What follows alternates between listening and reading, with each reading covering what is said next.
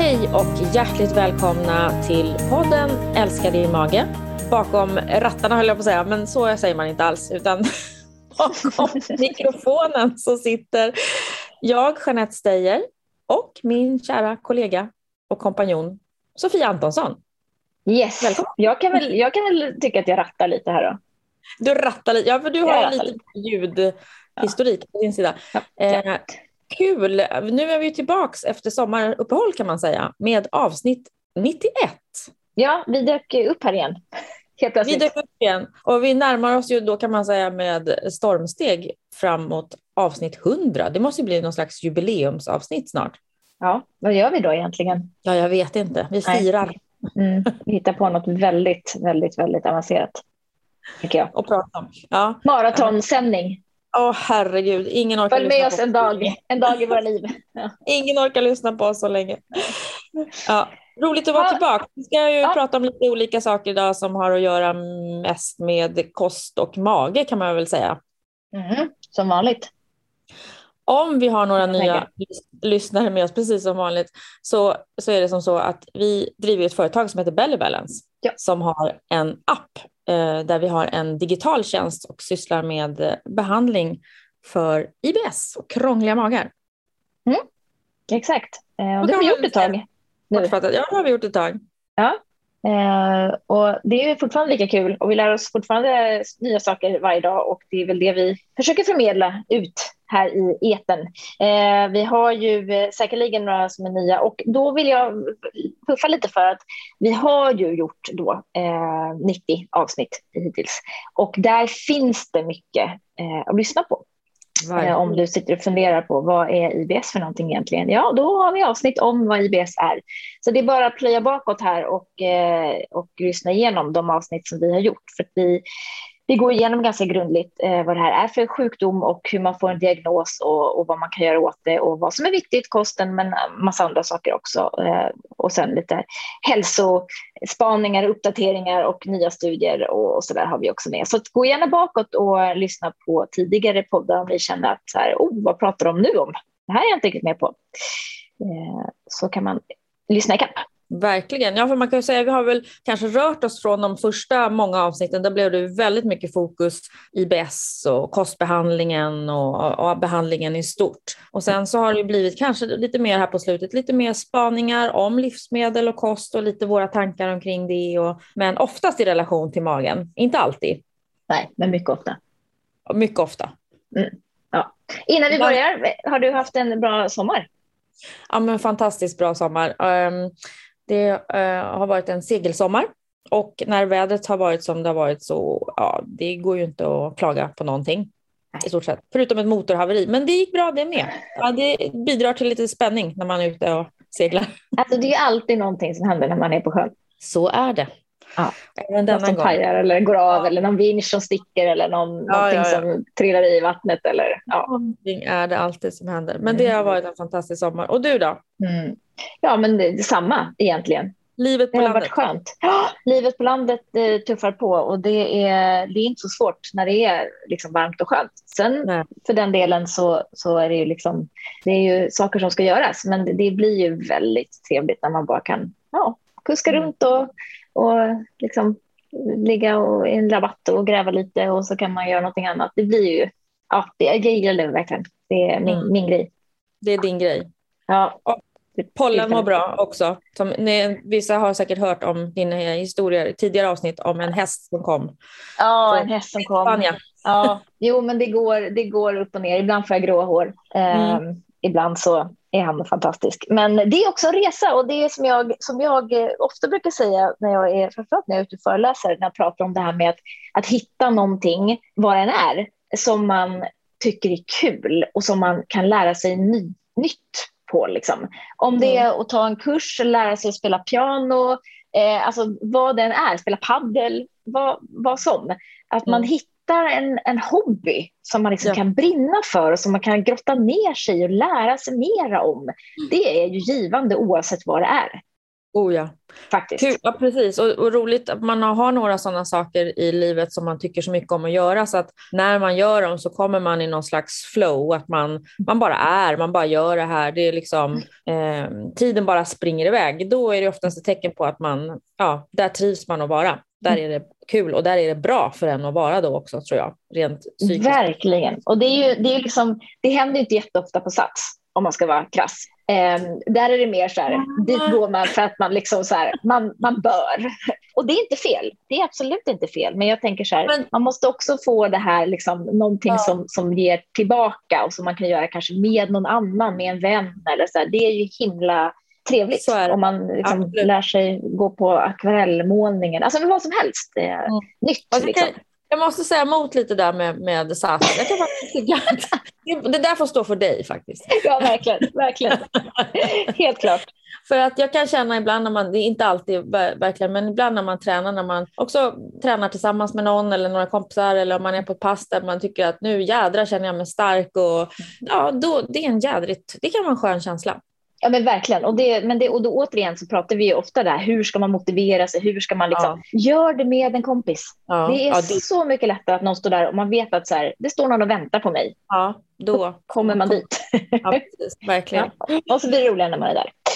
Ehm, så det vill jag uppmana egentligen alla nu till hösten så här, när det börjar rulla igång och så kanske man ska tillbaka till ett kontor och man kanske måste in i lite mera ekorrhjulet och så här, tillbaka till hur det, hur det var då innan eh, den här pandemin började. Eh, att, att faktiskt försöka hitta någonting som man också kan, kan få energi av i det här. Mm. Mm.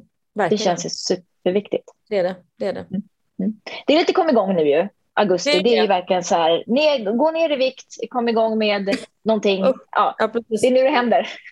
Det är nu man ska göra allt det där. Ja. Eh, men eh, det får ju också, man får ta det, eh, hitta sin egen väg, inte bara låta allting bli en press, liksom, tycker jag. Det är viktigt. Nej, Nej men verkligen. Eh, jag tänkte att vi, eh, jag eh, reflekterade kring, jag har pratat med ganska många eh, patienter som jag kallar dem nu eh, under sommaren och våren och sådär och eh, jag tänkte vi behöver prata lite grann om, eh, om kostbehandlingen, mm. FODMAP som vi håller på med och specifikt då det som vi kallar för steg två och kanske tre, det vill säga ja, det som vi kallar återinförande. Jag ska komma tillbaka till det, eh, mm. den benämningen och, och hur det går till. För jag upplever att det är många som har funderingar, man kör lite fast och eh, vet inte sådär vad man, bo, vad man borde göra. Mm. Eh, och det kan skapa lite frustration eller ångest eller oro eller sådär. Mm. Eh, så, så kan du dra lite liksom FODMAP eh, mm. explained. FODMAP explained i 20, eh, max 20 ord. Nej, men, men jag ska bara knyta an till det du, du sa precis, det där med just återinförandet. Och jag, jag kan också förstå det, eh, just med tanke på att kostbehandlingen FODMAP är ju väldigt tydlig och strukturerad i starten de mm. första stegen. Eh, men sedan ska det bli en mer individuell plan och då blir det ju svårare. Så, att, så att jag kan förstå den, den känslan en del har, att, att det blir svårt sen. Men, mm. men FODMAP Explained um, är ju det är en kostbehandling när vi pratar om behandling så pratar vi om någonting som sker i flera steg. Det är liksom inte en, en, en evig diet som man ska hamna på eller vara i, utan det är ett sätt att försöka ta reda på eh, vad man tål bättre, eller magen tål bättre och vad den tål sämre. Eh, och när vi säger tål då så handlar det just om att när man har IBS, den här funktionella eh, magsjukdomen, när magen inte riktigt jobbar som den ska av olika anledningar, så är den extra känslig mot en viss typ av kolhydrater har man kommit fram till. Det här har man forskat fram, det finns ju massa studier och evidens på den här kostbehandlingen också. De har förstått att det är en viss typ av kolhydrater jäsningsbara kolhydrater eller fermenterbara, det är ju det som F står för i FODMAP. Vi brukar prata om dem som bråkiga kolhydrater. Kolhydrater som är, kan vara väldigt bra och nyttiga, för det handlar ju ofta om fibrer då, men för en känslig mage så blir de här lite för besvärliga ofta. Och då har man analyserat livsmedel eh, och placerat dem i uh, fyra olika grupper beroende på vilken typ av kolhydrat de då innehåller. Och så har man förstått att ja, den här, det här gänget av livsmedel de innehåller höga halter av de här bråkiga kolhydraterna.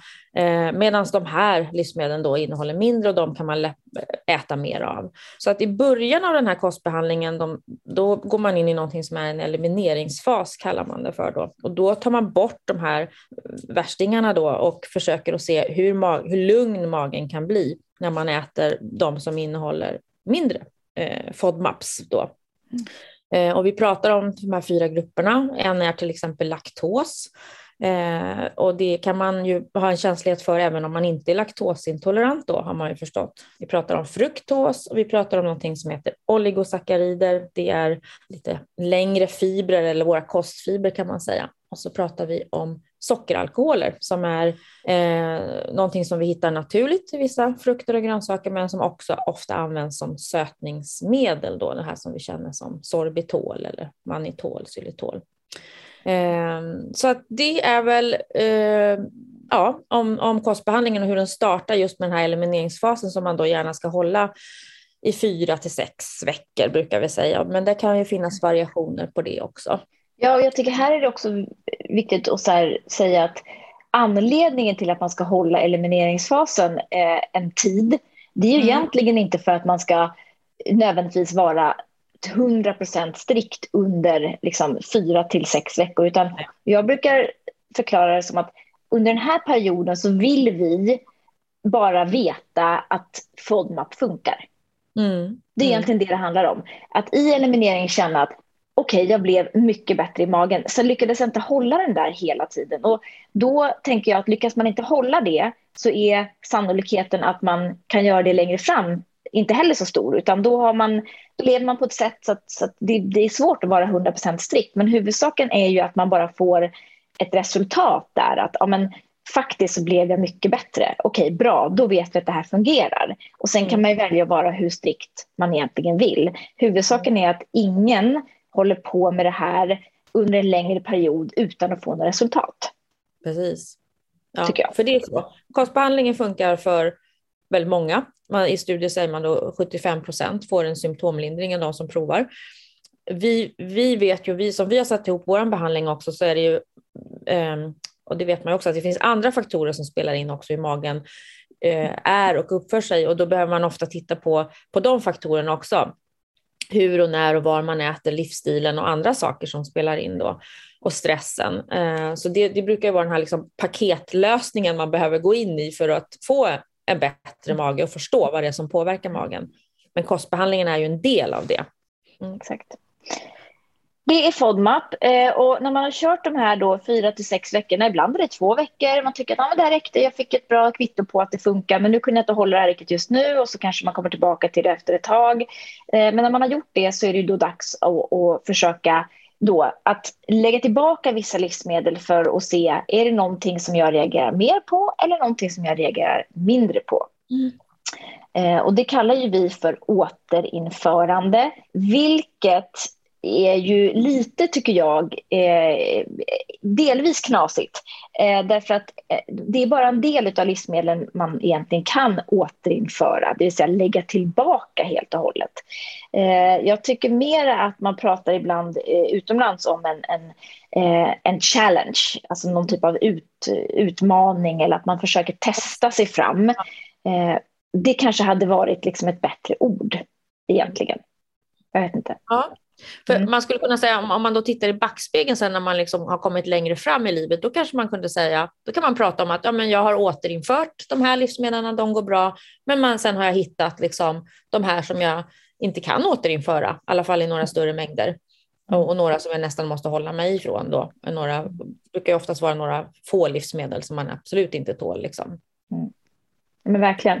Och vi, har ju, vi pratade om det för förra eller förra, förra avsnittet, det här med att FODMAP på lång sikt. För det, är, det görs ibland skrivningar om att oh, det är så farligt att följa FODMAP och det är, det är dåligt att vara kvar i elimineringsfasen för länge och så där. Det skapar också en väldig oro. Då brukar jag försöka säga att om man äter varierat av det som står på gröna listan, för det är trafikljussystemet vi jobbar med här, så att grönt är det som gäller under elimineringen. Om man äter varierat, det vill säga allting som står på den gröna listan, så äter man förmodligen mycket bättre än många människor i det här landet. Alltså det går att äta otroligt nyttigt och varierat och fiberrikt och fullkornsrikt med den typen av livsmedel. Eh, sen är det ju alltid bra att försöka liksom, lägga till så mycket som möjligt. Eh, men jag tycker inte att man ska hålla på och känna en stark oro om det nu är så att man inte lyckas lägga tillbaka särskilt mycket för att man faktiskt får symptom direkt, för att man är så känslig. Då tänker jag att då är det bättre att börja stötta upp sin tarmflora successivt med mycket fibrer av det som står på gröna listan, kombinera det med bra probiotika och därifrån utveckla en större tolerans mot det då som är gul och rödmarkerat. För det gör man på sikt. Det tar lite tid, men, men så småningom när, när tarmfloran liksom blir lite mer stabil, då, då har man oftast en, en ökad tolerans och kan lägga tillbaka saker. Mm. Och sen ska man ju faktiskt också komma ihåg att IBS är ju ofta den karaktären att under, liksom under livet så kan den bli, ha sämre perioder och bättre perioder också. Mm. Eh, att av, av anledningar som man inte riktigt vet då, men att man kan förstå att är ens mage på ett visst sätt några år så det kan faktiskt bli bättre. Man kommer att kunna kanske äta flera saker och tåla fler saker. Både kanske på grund av som du säger att man bygger upp en bra tarmflora men, men IBSens karaktär är ju också att den går lite upp och ner för många. Just det. Just det. Mm. Um, och själva återinförandet då, om jag uh, får uh, berätta om hur jag i alla fall brukar uh, liksom prata kring det här.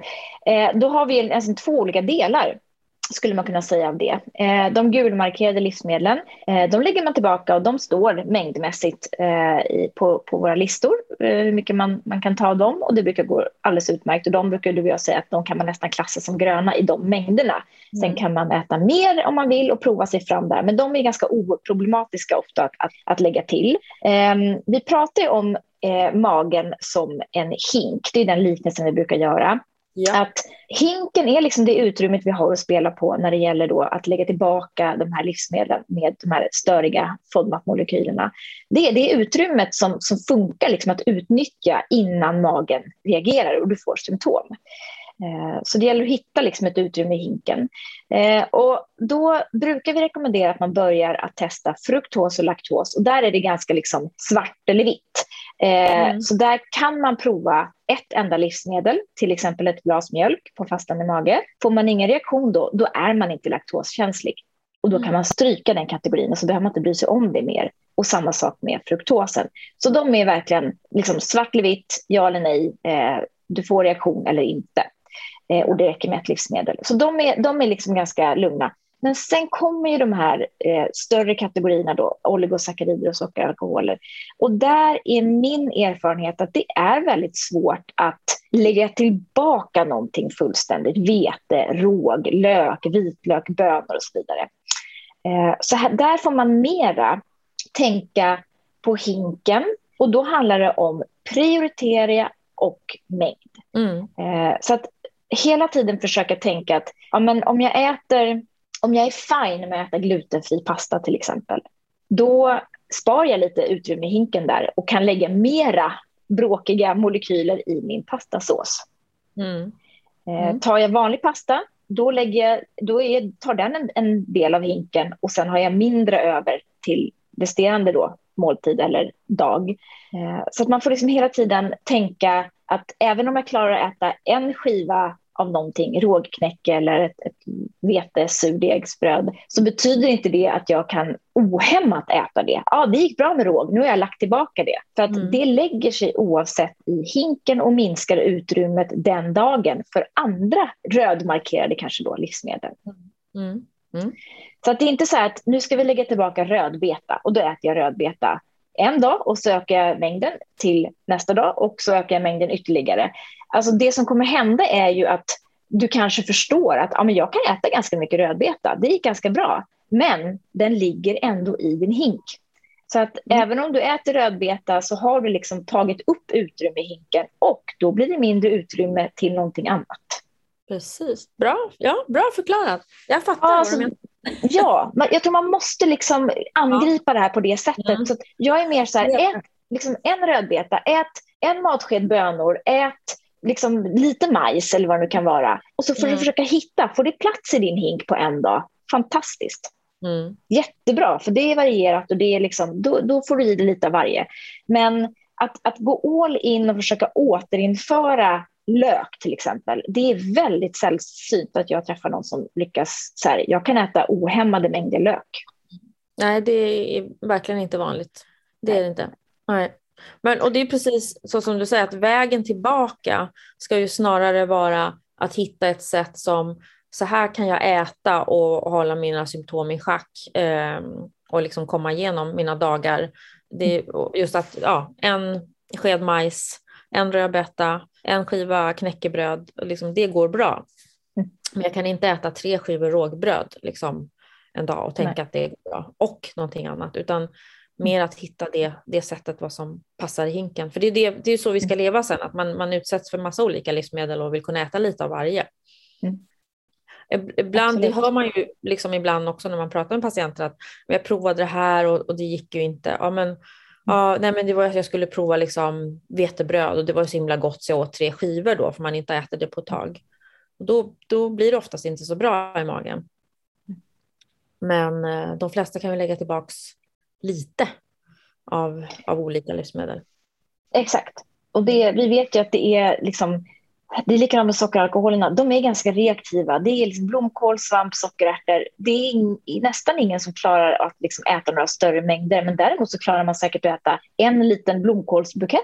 Och då kan man ju passa på att göra det vid, någon gång. Bara för mm. att göda upp de bakterierna som gillar blomkål. Ehm, mm. Men det, det, går inte att äta liksom en, en jättestor mängd. För då, då får man besvär. Mm. Uh, men istället för att tänka att jag kan inte äta blomkål alls. Så då får man liksom gå tillbaka lite och så här, kan jag äta en matsked? För liksom matskedsmängder går ju oftast bra. Ja, precis. Och då tänka att, att det, här, det här gör jag för att få den här vari variationen i min kost. Liksom. Mm. Att uh, inte tänka att ah, det där det gör väl ingenting. Det gör väl så vare från eller till om jag äter en blomkålsbukett. Jo, men det gör det. Liksom. I, mm. På ett långt liv så gör det det. Mm. Så, att, så det är bra att tänka så. Absolut och just när man också har en, en mage då som är stökig och bråkig och symptomen kan komma oavsett vad man har ätit eller inte. För så är det ju med IBS, att kosten är en del av det och det är det som gör det svårt att förstå eh, vad man kan äta och inte äta för att det kan komma symptom av andra orsaker. Exakt. Så kan det göra, man får prova om ibland. Mm liksom, mm. om man är osäker ja, på resultatet. Ja. Och, sen inte, och, och, och förstå det också, ha det i åtanke så att man inte bara tillskriver kosten hela betydelsen. Liksom. Varför får jag symptom nu? Ja, men det, kanske, ja, det kan vi inte riktigt förklara alltid varför man får det. Man är hög, har en högkänslig mage. Har man, är det stresset på slaget? Är det stressen som är mer oro? Är det, har man sovit dåligt? Är det någonting annat som, som är med och spökar? Liksom? Mm. Mm. Men, ja, men verkligen. Det, det är inte helt enkelt. Jag har full förståelse för att man känner att ah, men jag kan inte äta någonting annat än grönt. Jag får symptom direkt. Ah, men, gå då på det gula. Ät svarta bönor till exempel. Ät lite kikärtor. Alltså, det är ju fint. fint. Avokado. Kan man, mm. De har kommit ganska långt tycker jag. Ja. Ehm, och så får man liksom som sagt äta en halv rödbeta. Ät ja. en halv rågknäcke. Bara ja. för att liksom så här, se lite vad som händer men kanske inte börja öka på mängderna så, så väldigt mycket Nej. utan tänka på den här lilla hinken då, så här, försiktigt, mm. försiktigt, börja någonstans. Um, så, så att, mm. sammanfattningsvis, testa av laktos och fruktos. Det är enkelt, det är ja eller nej. Eh, och sen så tänk hinken och prioritering och mängder när det gäller de andra kategorierna. Japp, bra. Det är det som gäller. Det är det som... Word. Sofia Antonsson ja. har talat. Det är bra. Ja, nej, men jag, jag, tycker inte man ska hålla på och ha massa liksom, så här, vad, vad, ångest och oro. Så där. Det, det, liksom, det har vi tillräckligt över andra grejer. Utan ja. chilla lite, häng i, i gröna fasen och ät varierat där så är det alldeles utmärkt. Sen ska man inte mm. hålla på med det i flera år. Eh, utan då, då bör man ju komma vidare. Men, men som sagt, sen får vi också vara ödmjuka inför att klarar man inte av, man får symptom, då, då gör man ju inte det. Det går att äta mm. alldeles utmärkt ändå. Mm. Mm. Ja, det ska också komma ihåg att vi har ju träffat patienter genom åren som man har kunnat utvidga då vad man har kunnat äta bara genom att gå in i gröna fasen för att man kanske då har hamnat någonstans man inte alls har förstått vad man kan äta och ätit bara två, tre, fyra olika livsmedel. Mm. Och då har ju gröna fasen inneburit en jättestor liksom, erbjudande av många fler livsmedel. Mm. Att man har vågat utvidga. Ja. Vi är sponsrade av Alflorex. Eh, ett probiotiskt tillskott med en eh, jättefin bakterie som heter bifidobakterium longum 35624. Vad gör då lilla bifidobakterien? Jo, den agerar eh, lite sådär eh, hälsosamt kan man säga i vår tjocktarm. Eh, den hjälper till att bryta ner FODMAP-fibrer den eh, genererar smörsyra och det är ju någonting som man verkligen vill ha mycket av i sin tjocktarm. Det smörsyran gör i sig tarmslemhinnan hälsosam och eh, lite tät och det vill man också ha. Eh, Alflorex brukar jag använda mig av eh, framförallt som ett tillägg eh, under elimineringsfasen i, i FODMAP. Eh, och anledningen till det är ju dels att man vill ha lite hjälp att bryta ner de här bråkiga fibrerna men också faktiskt för att man har sett att i, under elimineringsfasen så tenderar mängden bifiberbakterier att minska lite grann eftersom man tar bort eh, bland annat då lök och vitlök som är den naturliga födan till de här bakterierna. Då kan man stötta upp med, med Alforexen där till en början. Det brukar bli väldigt, väldigt bra. Eh, och Alforex tar man en kapsel per dag och gärna med mat. Eh, till frukost eh, och då får man ännu mera gärna ta den med lite fil och yoghurt. Då har man sett att överlevnaden av bakterierna är extra bra. Så alla ni som vill testa Alforex eh, tar ni och köper och så lägger ni till en per dag och så kan man utvärdera efter minst, skulle jag vilja säga då, fyra eh, veckor, gärna åtta, eh, hur man tycker att det fungerar. Någonting som vi då, för övergång till våra nästa vi skulle prata om idag, det är ju ett livsmedel som vi gillar väldigt mycket. Och som knölen. är knölen, i, som är ju en av de grönmarkerade rotfrukterna eller grönsakerna. Eh, potatisen, denna fantastiska lilla knöl som man säger. Mm. God. Och, god är den och eh, eh, utskälld är den ju också. Ja, alltså den har ju varit eh, GI, där, där var den ju hyfsat eh, poppis på 90-talet. Eh, och sen kom LCHF och då, då, då fick den inte vara med längre. Nej, Nej. det hänger kvar lite med tycker jag att folk är så här, ja, men pota- det hör man fortfarande, ja men potatis ska man väl inte äta så mycket av. Mm. Eh, Ja, nej, pommes frites och chips kanske man inte ska äta så mycket av. Men kokt potatis skulle vi i stort sett kunna leva på. Eh, vitaminmässigt och näringsmässigt. ja, verkligen. Men, men, eh, och att det här att ja, den innehåller mycket kolhydrater. Ja, fast den är ju, det är mycket vätska i potatis så att den innehåller ju faktiskt mindre eh, mängd kolhydrater eh, än till exempel pasta och ris. Ja, och den mättar ju dessutom väldigt väl. Mm. Om man nu mäter, ja. mäter det kopplat till energi ja. Så den är ju ändå en, liksom, en otroligt, ett otroligt bra liksom, komplement på mm. tallriken. Till, mm. till, jag tror att den också ja. har fått lite det här med att man, just det här med att, att koka potatis, att det har blivit, nu finns det så mycket annat, det tar tre minuter att koka pasta och det finns ju ris som du kan koka på lika lång tid typ. Och, mm. eh, liksom, potatisen där har, då anses den, liksom, ja, den är lite jobbig om man ska skala den och, och så ska den koka länge och sådär. Att det kanske är det som också har gjort att den har liksom inte får sin plats längre i våran snabba matlagning. Ja, alltså framförallt bland ungdomar, hur många liksom under, eh, nu höftar jag med 25, ställer sig och så här, nu ska jag koka potatis. Det är klart mm. att det, det är ju en litet, ett litet projekt. Mm. Men där ska vi komma ihåg det här med att koka, koka med skalet på, ska man ju helst göra för att inte få sån stor förlust. För potatisen innehåller ju väldigt mycket C-vitamin. Två till tre potatisar täcker ju nästan halva vårt dagsbehov av C-vitamin. Mm. Eh, men, men om du kokar dem med, med skalet då, då får du ju en minskad förlust av det här C-vitaminet. Och även att potatisskalen ju in, också innehåller näring. Så att det, det, det, det underlättar ju, då behöver man inte stå och skala innan. Nej, alltså bara plutta ner dem i, i vattnet och koka på. Ja. Sen, sen ät, nu, nu ska vi också vara lite tydliga med att alltså, mm. potatis är väldigt besprutat.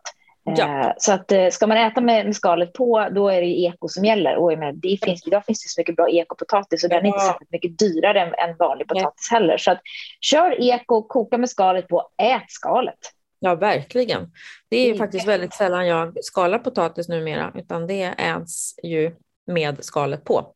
Ja, verkligen. Och jag tycker så också, de här, det finns sådana här delikatesspotatis eller vad de heter, som är ganska så här, ja men de är lagom i storlek, så de, de ja. behöver man ju heller inte hålla på och skära i bitar, utan det är bara liksom ner i kastrullen och sen är det bara att sätta på den där. Det är ju superenkelt. Mm, verkligen.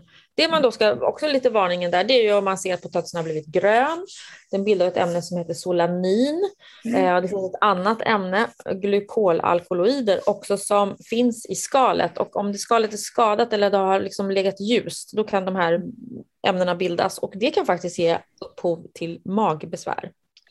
Ja, och där hade vi en liten spaning, för det är många, jag ja. tycker man hör att från många patienter med IBS att ja, men färskpotatis är så jobbigt för min mage. Och dels så kan det vara någonting i färskpotatisen. Vi har inga näringsuppgifter som tyder på att de skulle vara högfodmat, men de är heller inte analyserat i svensk färskpotatis, ska vi vara liksom, tydliga med. Eh, men då tänker vi att eh, det är kanske så att man i större utsträckning på sommaren äter färskpotatis med skalet på, mm. än vad man brukar göra. Mm. Det är kanske är det man reagerar på, det var så vi tänkte. Mm. Mm. Och ja, det, så kan det vara. Det blir mängden då. Man går ifrån att inte äta potatis särskilt ofta, man kanske aldrig äter den med skal på, till när färskpotatisen kommer, då ska man äta ganska mycket potatis och med allting sker som regel då med skal på. Det kanske blir någon reaktion där, att magen reagerar. Ja. Mm. Det vet Faktiskt. vi inte, vi bara gissar här nu. Det gör vi. Eh, men, men som sagt, jag tycker i, då får man väl liksom öka, öka toleransen då i sin mage genom att äta skalet på hela året. Japp. Då kanske Precis. det blir lättare sen. Mm. Ja, det är bra. Mm. Sen så måste vi också eh, slå ett slag för ko kokt kall potatis. Varför gillar vi den så mycket? Ja, men, eh, den innehåller då, alltså stärkelsen i potatis, den ombildas när potatisen först värms upp eh, och sen då får svalna. Så då bildas då resistent stärkelse som egentligen går ganska opåverkad genom kroppen ner i tjocktarmen. Mm. Eh, och där blir ju den här stärkelsen då mat till tarmbakterierna. Det är en jättefin prebiotika. Mm. Eh, så att eh, jag brukar ju alltid tipsa om att när du kokar potatis, koka lite extra, spar i kylen, ät som mellis, eh, använd din omelett, gör en potatissallad, men ha alltid lite kallkokt potatis i kylen. Det, det är väl en bra regel. Mm, verkligen. Den mm. är smaskens för magen också. Det är det. Mm. Ja, nej, men det, vi gillar potatis. Det kan vi ju helt klart stå för. Alltså jag gillar ju också chips. Och alltså, pommes frites. Är det fel? Talk about it. Nej, precis. Det är nog en av mina sådana liksom, ja, om jag får välja mellan sötsaker eller sådana salta snacks, då är det ju salt, salta snacks, chips liksom. Det är ju, det är ju gott alltså. Det är så. Jag håller med. Det är alltså framförallt på sommaren när man är chips och lite oliver. Liksom. Mm, precis, det här salta. Ja, det är underbart. Men äh, ja, det, nu är semestern slut. så att mm. Jag såg att det var ganska mycket fibrer i chips i och för sig. ja, per 100 gram chips då ganska mycket fibrer, ja. men alltså 100 gram chips är en väldigt stor volym framför allt. Och sen så blir det otroliga mängder energi. Mm. Eh, så, men om man inte äter någon middag efteråt då? Ja, precis. Då man in 100 gram. Kan man kompensera? Ja, då har du 500, över 500 kalorier då på 100 gram, så det blir ju som en hel måltid. Mm. Ja, det blir Nej. faktiskt det. Nej, men då, då går vi tillbaka till eh, klyftpotatisen. Ja, ja, precis. Den kan Den ju ersätta. göras i många former. Jag måste bara då snabbt berätta om en fantastisk rätt som eh, jag har gjort ett par gånger här. Eh, Paul Svensson, eh, kock och mm. eh, restaurang. Han har väl Fotografiska, driver han väl, deras restaurang. Fantastisk. Han är ju mycket duktig i att använda grönsaker och hur man använder hela grönsaken. Mm. Inget går till spillo. Han, jag har köpt en onlinekurs med honom där Jaha. han går igenom några olika grönsaker. Ja, den är så trevlig. Han går mm. igenom uh, olika grönsaker och hur man använder hela och vad man kan göra med dem. Hans filosofi lite grann är ju att man gör detsamma med grönsakerna som man liksom har gjort. Den uppmärksamheten som kött till exempel har fått, uh, den uppmärksamheten ska grönsaken ha. Så att man kokar med termometer, man bakar, man, man får olika texturer och konsistenser på uh, grönsakerna så att man liksom ja, liknar det, det blir som en komplett måltid. I, mm. man, man lagar det med samma omsorg som man kanske gör med ett fin, en fin bit kött då, som man håller på med temperatur och innetemperatur och yttertemperatur och allt det här. Då. Det är han väldigt duktig på, eller hans tänk. Liksom. Mm. Eh, och då hade han en rätt som är en en helt komplett liten förrätt kan man säga, eller mellanrätt. Och det är potatispuré serverad med en potatisfondang, klipp, picklad potatis och sen har man lite forellrom på toppen. Då. Och det här liksom är potatis i fem olika former. Blir det någon. Man kokar en puré med mandelpotatis och det är ju såklart massa smör och sådana här saker i här. Mm. Mm. Det här är liksom festrätt. Eh, den lägger man liksom i botten på, på tallriken när man serverar den här fantastiska purén.